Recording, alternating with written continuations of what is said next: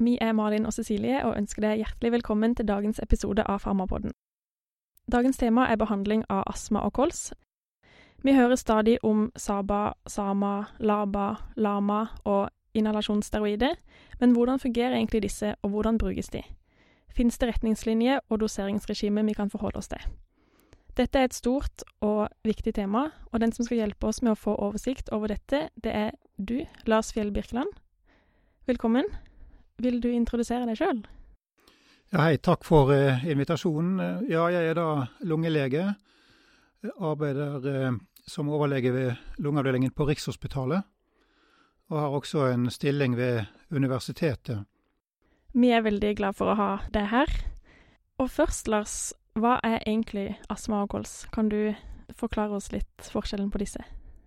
Astma og kols, ja, det er uh, egentlig to sykdomsgrupper. Sykdomsgrupper i den forstand at de inneholder flere undergrupper, eller det vi kaller fenotyper. Men det som de har til felles, er at de begge angriper bronken og bronkiolene i lungene våre, og fører til at det blir trange forhold i bronkiolene spesielt, og dermed tyngre å puste, tyngre å få luften inn og ut av lungene. Mm.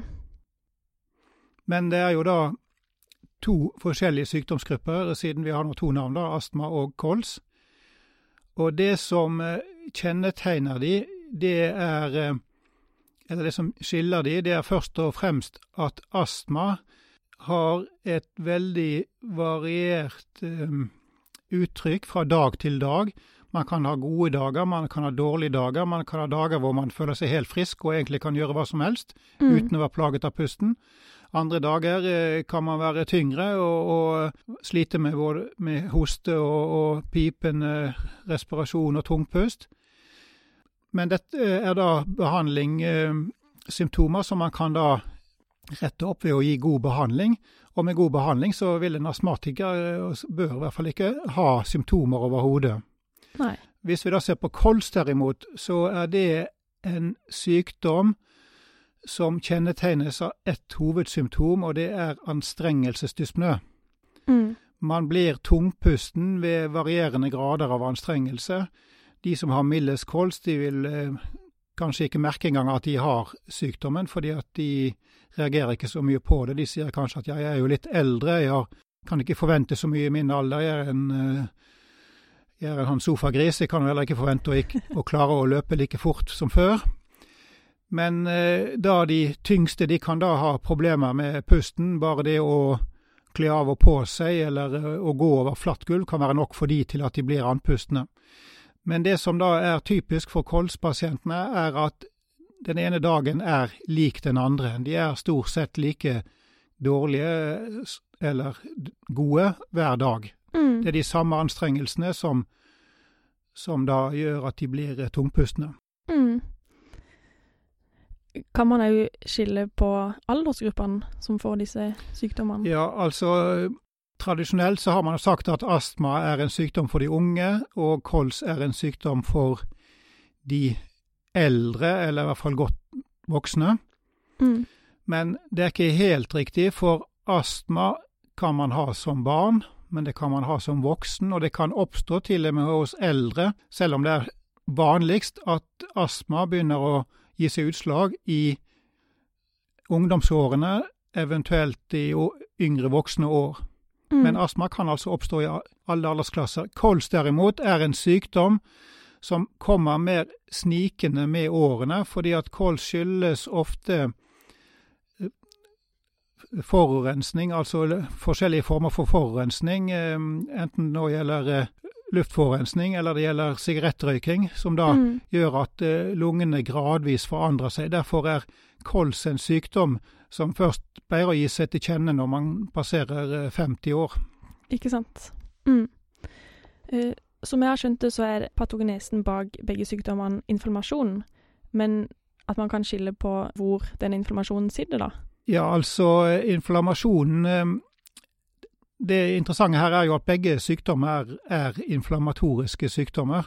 Mm. Men som vi skal komme tilbake til, så behandles de vidt forskjellig, selv om de da begge har inflammasjon i bånd. Eh, inflammasjonen eh, sitter jo da stort sett i de samme stedene, altså i eh, bronken og bronkiolene. Mens i kols så har du også da en inflammasjon i alveolene som destruerer alveoler, og slik at vi får det vi kaller emfysembulle. Mm. Så begge har inflammasjon i luftveiene eller bronkiene og bronkiolene, men i kols så har man i tillegg inflammasjon i alveolene. Ja, det er veldig sånn grovt sagt, da. Ja. Eh, Det finnes jo selvfølgelig en finere inndeling på mer eh, molekylært plan enn det jeg sier her nå, men eh, i prinsippet så er det de samme delene av lungene som angripes, men allikevel inflammasjonen er forskjellig. Det er ikke helt samme type. Mm. Um, har man noe eh, tanke hva som er årsakene til astma og kols? Du sa jo litt om at kols eh, var eksponeringsdrevet. Ja, kols er jo kanskje det som er lettest å, å forklare, da. At eh, den store andelen, i hvert fall her i Norge, som får kols, får det fordi de har vært eh, sigarettrøykere eller piperøykere. Mm. Altså det er inhalasjon av tobakksrøyk. Vi vet at tobakksrøyk kan inneholde mellom 3000 og 5000 forskjellige kjemikalier. Og da er det kanskje ikke så rart at disse etter hvert fører til en belastning eh, og opphopning, og etter hvert skade på bronkiene. Mm. Når det gjelder astma, derimot, så er vi mer eh, usikre på hva som er årsaken. Eh, Vi vet at det har sammenheng med hos noen da, med allergi, altså eh, disposisjon for å være allergisk. Vi snakker da gjerne om atopiske familier. Mm. Men det er også de som får astma uten å være allergiske. Og hva det kommer av, det vet man ikke. Man har jo masse teorier, selvfølgelig, men noen god oversikt, eh, enkel oversikt, har man ikke. Husk Mm. på kols. Eh, kan vi også si at eh, det er ikke bare sigarettrøyk. Vi må ikke glemme at eh, en del av pasientene der får det pga. yrkesbelastning. Mm. Og det samme kan vi også si om astma, at det er noen som får eh, astma av eh, yrke. Vi vet jo om bakerastma, vi vet en del frisører får det. Ikke sant? Og ja, hvis du skal tenke på en eh, yrkesgruppe som er veldig populær nå om dagen, så er det jo skiløpere. Vi kan jo kalle det en yrkesastma, det òg. At de utvikler eh, irritasjon og etter hvert astmalignende forhold eh, i luftveiene sine. Mm. Um, er det sånn at astma noen gang kan utvikle seg til kols? Eksempel Ja. hvis ikke de behandles adekvat? Ja, det kan de. Altså, man vet det at um, en astma som har vært der i mange år, vil etter hvert uh, bli mer kronisk i den forstand at uh, forandringene i luftveiene blir mer kronisk av natur, og da kan man få det vi kaller irreversible komponenter, Mm. uh, som vi skal komme litt tilbake til. Men det betyr at man kan gli over i en kolsdiagnose, selv om man da egentlig har en astma. Ja. Mm. Så har vi lært om alfa-1 antitrypsinmangel eh, i løpet av studiet. Gir den eh, en slags kols? Alfa-1 antitrypsinmangel er for det første en veldig sjelden tilstand, så det er ikke noe hyppig årsak til eh, lungesykdom eh, sånn eh, i befolknings sett under ett. Mm. Men alfa-1 antitrypsinmangel fører til at alveolene går raskere i oppløsning enn det de gjør hos f.eks. røykere. Så alfa-1 antitrypsinmangel fører til lungeemfysem før eller siden, enten man røyker eller ikke. Mm. Men man kan si litt sånn uh, firkantet at hvis man røyker, så fremskynder man uh, sykdommen med ti år. Ikke sant? Mm. Du har jo kanskje vært litt innpå det, da. eh, At de kan ligne hverandre klinisk, men som du sa, eh, så skiller man jo da på variasjon. Kan du si litt om hvordan det også kanskje skilles på symptomer? Ja, Hovedsymptomet ved astma det er jo da pipende pust. Mm. Og så er det det at man får da anfallsvis tungpust. Og så har man da også hoste. Det er de tre symptomene som er typisk. Og det som også er typisk hos astmapasienter, er gjerne at de har mest eh, plager på natten, og spesielt tidlig morgen. Mm. Mm.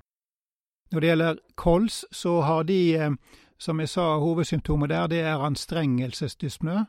Mm. Men de kan i tillegg også ha noe hoste og ikke minst noe slim. Men hoste og slim trenger man ikke å ha for å ha kols. Mm. Hvordan eh, kan man måle det her, da? Jo, når man skal stille diagnosen, så er det for det første det å da å få mistanke ut ifra anamnesen. Hva er det ved anamnesen som gjør at man da vil mistenke astma? Jo, det er jo det, det vi har vært inne på. Denne variasjonen, dette at det kommer sånn anfallsvis, enten det kommer daglig eller det kommer mer sjelden. Mm. Det kommer anfallsvis. eh, Innimellom er det helt fine dager. Eh, Når det gjelder eh, kols, så kommer jo den mer snikende, fordi at denne utviklingen går gradvis. Og da er det ofte vanskelig for pasienten å si at eh, når de begynte, men det, det er bare det at de kan huske at for noen år siden så klarte de f.eks. Uh, å gå på fjellet, men nå orker de ikke det lenger pga. pusten. Uten Mm. at de kan si at det begynte eh, en spesiell dag. Så ut ifra anamnesen så vil man da få mistanke, og når det gjelder eh, kols, så er det jo også, må man spørre om eksponering. Hvilket yrke har du hatt? Eh, Har du noen gang hatt et yrke hvor du har vært utsatt for mye støv eller gasser? Mm. For husk på at eh, utviklingen kan eh, ha startet for mange år siden, så det trenger ikke være den jobben de har her og nå som er utløsende. Så er det det med astma, da vil man selvfølgelig spørre om allergi, om det er noen andre i familien som har hatt det. Og så vet vi at røyking fører ikke til astma, men det kan gjøre symptomene verre. Men det, røyking i seg selv utløser ikke astma. Mm. Så det første man må altså spørre seg om, det er da Har vi klinisk mistanke om den ene eller andre sykdommen? Som, som vi var inne på i sted, så er det ofte slik at astmatikerne er yngre, mens kolseren gjerne har passert 50 og kanskje opp i 60-årene også, Mm. før sykdommen blir så plagsom at han eller hun kommer til legen for å bli undersøkt. Eh, For å skille disse sykdommene videre, så må vi bruke spirometri, altså pusteprøver. Og da bruker vi tradisjonelt den eh, metoden som heter forsert eh, spirometri, altså hvor vi da måler FVC, forsert vital kapasitet, og FEV1, forsert ekspiratorisk volum, det første sekundet. Mm. Mm. Og disse to vil jo da falle i begge sykdomsgruppene når de har symptomer. Altså kolserne har jo symptomer hele tiden, så de vil altså alltid ha en lav, lave verdier. Mens astmatikerne kan jo da tilfeldigvis komme innom legekontoret den dagen de føler seg helt på topp, og ha en helt normal spirometri. Mm. Så da må man jo gjøre tilleggstester. Og det man da har sagt, for å ta astma først, det er at man skal da måle obstruksjon minst én gang. Og det vil si at man har målt da at den FEV1-verdien delt på den FEC-verdien de presterer, er under 0,7, den ratioen. Mm. Og nå vet vi at spirometri kan variere ganske mye selv hos lungefriske fra dag til dag, så derfor sier man har man funnet én sånn litt lav FV1-FEC, så skal man sjekke de en gang til. I tillegg kan man da utstyre de med en eh, PEF-måler. Altså det er et lite apparat som man blåser hurtig inn i, fyller lungene helt opp, og så blåser man ut et lite kort trompetstøt. Og da leser man av en verdi som et uttrykk for toppstrømshastighet på luften, altså det høyeste hastigheten luften kommer ut av kroppen din med. Og den kan man da sende med pasientene, eller de mistenkte astmatikerne, hjem og be de om å måle PEF morgen og kveld. Mm. Og så er man da på jakt etter har de døgnvariasjon. Mm. For det er patologisk å ha en døgnvariasjon på over 10% i snitt per døgn. Så det, altså det er faktisk litt fysiologisk å ha en liten variasjon i døgnvariasjonen. Og det skyldes at kroppen vår er slik laget at vi om morgenen har litt lavere PEF enn det vi har om kvelden. Den er ikke stor, den forskjellen. Men hos astmatikerne er denne forskjellen da blåst opp, og det er det forholdet vi da er ute etter. Mm. Mm. Så det kan vi da forholde oss til. Så kan vi også teste om de er allergiske, for å se om det er en allergisk komponent i dette her. Men noen ganger så må vi bare eh, prøve å, å, ta diagnosen ut ifra sykehistorien. Men eh, det er iallfall med astma, spirometri og en PEF-måler. Mm. Når det gjelder kols, derimot, så er eh, definisjonen på kols den er da laget slik at man skal ha A. Symptomer, som da skyldes en utløsende faktor, altså symptomer som skyldes eh, at man var utsatt for et, eh, for et agens som kan føre til eh, inflammasjon i lungene over tid. Altså A. Symptomer. Og B. Man skal da gjøre en spirometritest på de, og da har man da definert dette. Dette er jo noe som endrer seg med tiden. Altså, en sannhet er jo aldri evig, i hvert fall ikke i medisinen. Men eh, det de sier da, det er at du skal gjøre en reversibilitetstest. Og hva er det? Jo, det betyr at du først måler spirometrien, så ser du på den ratioen, og er den under 0,7, så gjør du da en spirometri på ny etter at du har gitt eh, en Saba og eh, eller en Sama. Du kan gi begge to. Og så måler du da lungefunksjonen etter 15 til 30 minutter. Og hvis da denne ratioen fortsatt er under 0,7, så er eh, diagnosen stilt. Og det betyr i klartekst at en pasient med kols kan aldri ha en normal spirometri. Altså han kan aldri ha en ratio FEV1 over FEC som er høyere enn 0,7 per definisjon. Mm.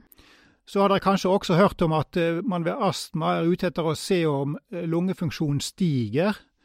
Dere har kanskje hørt at eh, hvis lungefunksjonen stiger med 12% så taler det for at man er reversibel. Mm. Ja. Men husk at dette er et tall som bare gjelder for astmatikere. Ja. Så hvis man har mistanke om astma, man gjør en spirometri, man gir da de, i dette tilfellet SABA, altså korttids hurtigvirkende beta-2-agonister. Da Mm. gir man de gjerne fire dusjer med en spray, venter i 15 minutter, og de da stiger i FEV1 med minst 12% så er sjansen for at de har astma mye større enn hvis de ikke stiger. Mm. Mm. Men igjen, dette kravet er ikke nødvendig verken for å stille diagnosen eller for å utelukke diagnosen. Men eh, hvis en kolser da har en sånn stigning, hva da? Har han da astma og kols? Nei, per i dag så er det vi snakker om reversibilitet når det gjelder kols, det går ene og alene på dette ratioen FEV1 over FEC. Mm. Så det er den vi ser. Når vi ser at pasienten er ikke reversibel, så ser vi om han kommer over den terskelen, 0,7. Mm. Om han så har steget i FEV1 med 12 eller 15% så betyr det ikke at han har astma i tillegg. Mm. Han har fortsatt kols. Men den store reversibiliteten i et sånt tilfelle kan jo gjøre om man lurer på om man kanskje har hatt astma tidligere, og så har utviklet en kols på toppen av det. Mm. Og Derfor har man jo eh, definert en gruppe som man kaller for astma pluss kols. Tidligere også kalt eh, AKOS, astma kols overlappingssyndrom. Ja. Det navnet er på vei ut igjen. Det har bare vært inne noen år, men det er allerede på vei ut igjen. Men det er med tanke på at det er noen pasienter som ikke passer helt inn i kols-definisjonen, og heller ikke helt inn i astma-definisjonen, og de havner da med én fot i hver leir. Og så har man da tenkt at uh, dette kanskje var en egen pasientgruppe eller sykdomsgruppe, men man har kommet mer til at det er egentlig mer uttrykk for at det er en glidende overgang mellom kols og astma. Altså i hvert fall slik vi de- definerer det i dag. Mm. Ikke sant. Det var en fin oppklaring. Veldig. Em, det er jo først og fremst inhalasjonsmedisiner som brukes i behandling av begge de her sykdommene. Hva er fordelene med det? Inhalasjonsmedisinene har den eh, store fordelen, egentlig så har de tre store fordeler, at de A kommer direkte til målorganet. Altså når du inhalerer medisin, så går den rett til bronkiene. Den trenger ikke å gå via spiserør, magesekk, tynntarm, lever osv. før den kommer over i blodet og så tilbake igjen til bronkiene. Så det gjør at effekten kommer hurtig. Mm. Det at eh, den går direkte til, eh, til bronkiene, det gjør som sagt også at den, effekten kommer hurtig. Det kan vi kalle det B. Og det C blir da at vi kan bruke mindre doser, for vi slipper å være avhengig av at medisinen skal gjennomgå en første passasjeeffekt i leveren, og så fordeles jevnt i alle blodstrømmer og i alle kroppens organer. Mm. Og, og vi kan da også bruke medisiner som eh, til og med kanskje ikke ville klart en førstelinjepassasje, men da altså ville blitt helt nedbrutt i leveren, men de kan allikevel da komme frem til målorganet som er bronkiene. Altså direkte til målorganet, hurtig Mm. virkning og lavere doser. Det er de tre årsakene Ja, til at vi bruker de. Men Mm. så finnes det jo også veldig mange forskjellige metoder. Du har pulver og litt forskjellig. Vil du Ja, vi har, eh, når det gjelder inhalasjonshjelpemidler, altså hvordan vi får i oss medisinen, så har vi i prinsippet tre typer hjelpemidler. Det første det er da det vi kan kalle en sprayboks. Det andre er det vi kaller pulverinhalator, og det tredje er det vi kaller en forstøver. Mm. Når det gjelder sprayboksen, så er da medisinen oppløst i en flytende væske under trykk. På samme måte som i hårspray eller uh, barberskum for den saks skyld. Mm. Så når man trykker på knappen, så kommer det ut en dose. Mm. Eh, når det gjelder pulverinhalatorene, så er da et tørt pulver, knust pulver, det ligger da inni et kammer eller i små eh, lommer. Og når vi lader eh, apparatet eller inhalatoren, så, frigjør, eller så gjør vi klar da en, en dose med pulver. Og når vi da suger i oss luften, så vil vi også få i oss pulveret. Mm. Den tredje og siste, det er da forstøveren. Og forstøveren det går ut på at man har eh, medikamentet løst i en eh, flytende væske i et forstøverkammer. Så setter man på trykkluft gjennom dette kammeret, og da vil denne jeteffekten av eh, trykkluften føre til at vannet med medikamentpartiklene i blir sugd med, og det blir da knust eh, mot en eh, liten vegg. Og ut av det så kommer det da en tåkesky som vi da kan inhalere. Mm. Så det er de tre metodene vi har. Og så ja, så vil dere kanskje spørre om hvilken er best. Og til det å, svare veldig enkelt ingen. Nei. De har alle sine fordeler, og de har alle sine ulemper. Mm. Mm. For eksempel, eh, når vi skal inhalere en spray, så er vi veldig avhengig av at vi har en korrekt teknikk.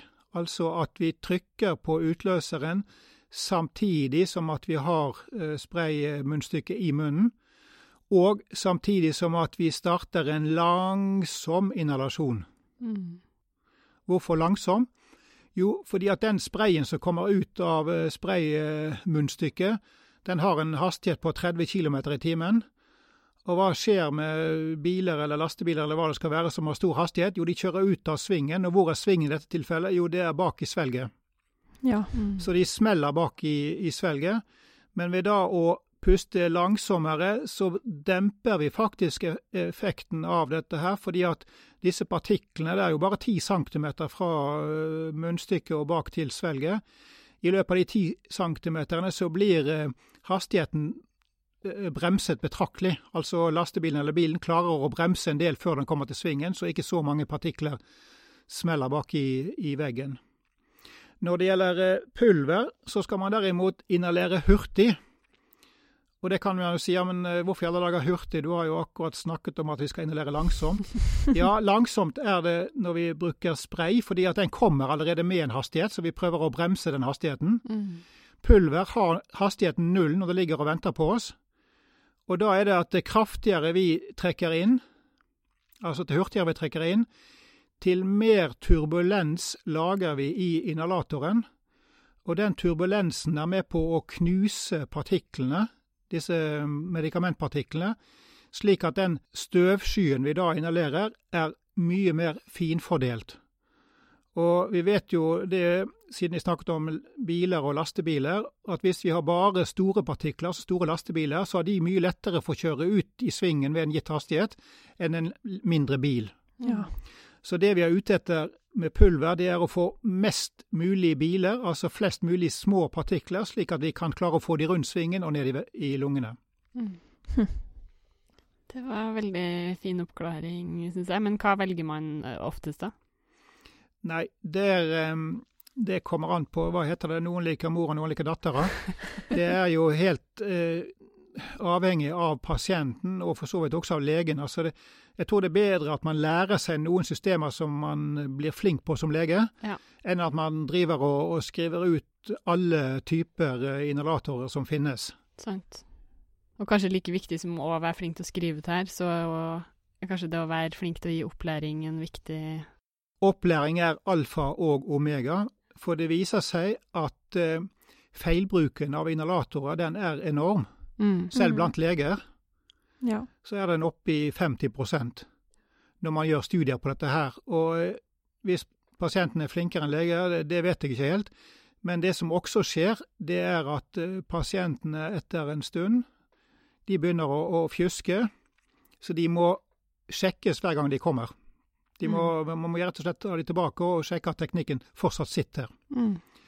Eh, når det gjelder pulver og spray, så har jo de den store fordelen at de er små. Du kan ha dem med i lomma, eller de tar ikke så mye plass. En forstøver tar stor plass, og en forstøver er egentlig lite i bruk, eller bør være lite i bruk, for en forstøver er ikke bedre enn de andre metodene. Fordelen med en spray er at du kan også sette på den et inhalasjonskammer. Mm. Og Det er altså et lite rør eh, i plast som du setter da mellom spraymunnstykket og munnen din. Og hva er hensikten med det? Jo, det er hensikten da er at du har litt mer å gå på når det gjelder teknikk. Dette med å puste langsomt og koordinert med utløsning av spraydosen. Mm. Og du får luket vekk de største lastebilene. De, de kjører seg fast allerede i røret, i, i, veggen der. Slik at den mengden partikler som kommer inn i munnen, er mye mindre. Men den mengden som kommer ned i lungene, er like stor. Så hvor er det da du tjener på dette? Jo, du får mindre eh, sittende i svelget. Så du får mye færre partikler avsatt i svelget, og det er viktig for en eh, spesiell pasientgruppe, og det er de som har bivirkninger i form av trøske Ja. og heshet av inhalasjonsteorider. Hvis du kan få avsatt mindre medikament i svelg og, og, og strupehodet, så vil de bivirkningene ofte forsvinne av seg selv. Mm. Mm. Er det noe forskjell på barn? Er det noe som gis til små barn versus store barn? Ja, altså til mindre barna er, til vanskeligere har de jo for å forstå dette med å inhalere. Mm. De har i- rett og slett ikke noe forhold til dette å puste inn og puste ut. Mm. Så da å prøve å få de til å bruke en eh, pulverinhalator eller en eh, spray alene, det går ikke. Så derfor har man jo ofte brukt forstøver hos barn, men det man også kan gjøre, man kan bruke en spray med et sånt kammer. Og så kan man da prøve å lage en lek av det og få barna til å puste inn, trekke inn fra kammeret, mens da mor eller far sitter i andre enden av, av dette røret og presser på utløseren, slik at man da prøver å koordinere det når barna puster inn, at man da eh, avgir en dose. Mm. Mm. Og det er faktisk også noe annet når man har eh, pasienter som er veldig tung i pusten, altså som sliter og har et anfall, altså enten en kolsekserbasjon eller et kraftig astmaanfall, så kan en sånn spray med et sånt rør på være en god erstatter for et forstøverapparat, ved at man rett og slett eh, hjelper pasienten. Han eller hun har mer enn nok med å puste, og så sitter da helsepersonellet med den sprayen og eh, kolben i hånden og, og utløser doser, han de prøver å få det til å synkronisere med at pasienten trekker luften inn.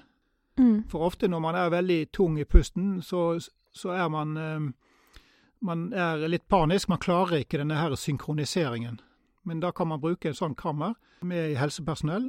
Og man har jo vist i studier at et forstøverapparat og et sånt eh, kammer er like godt i en akutt akuttsituasjon.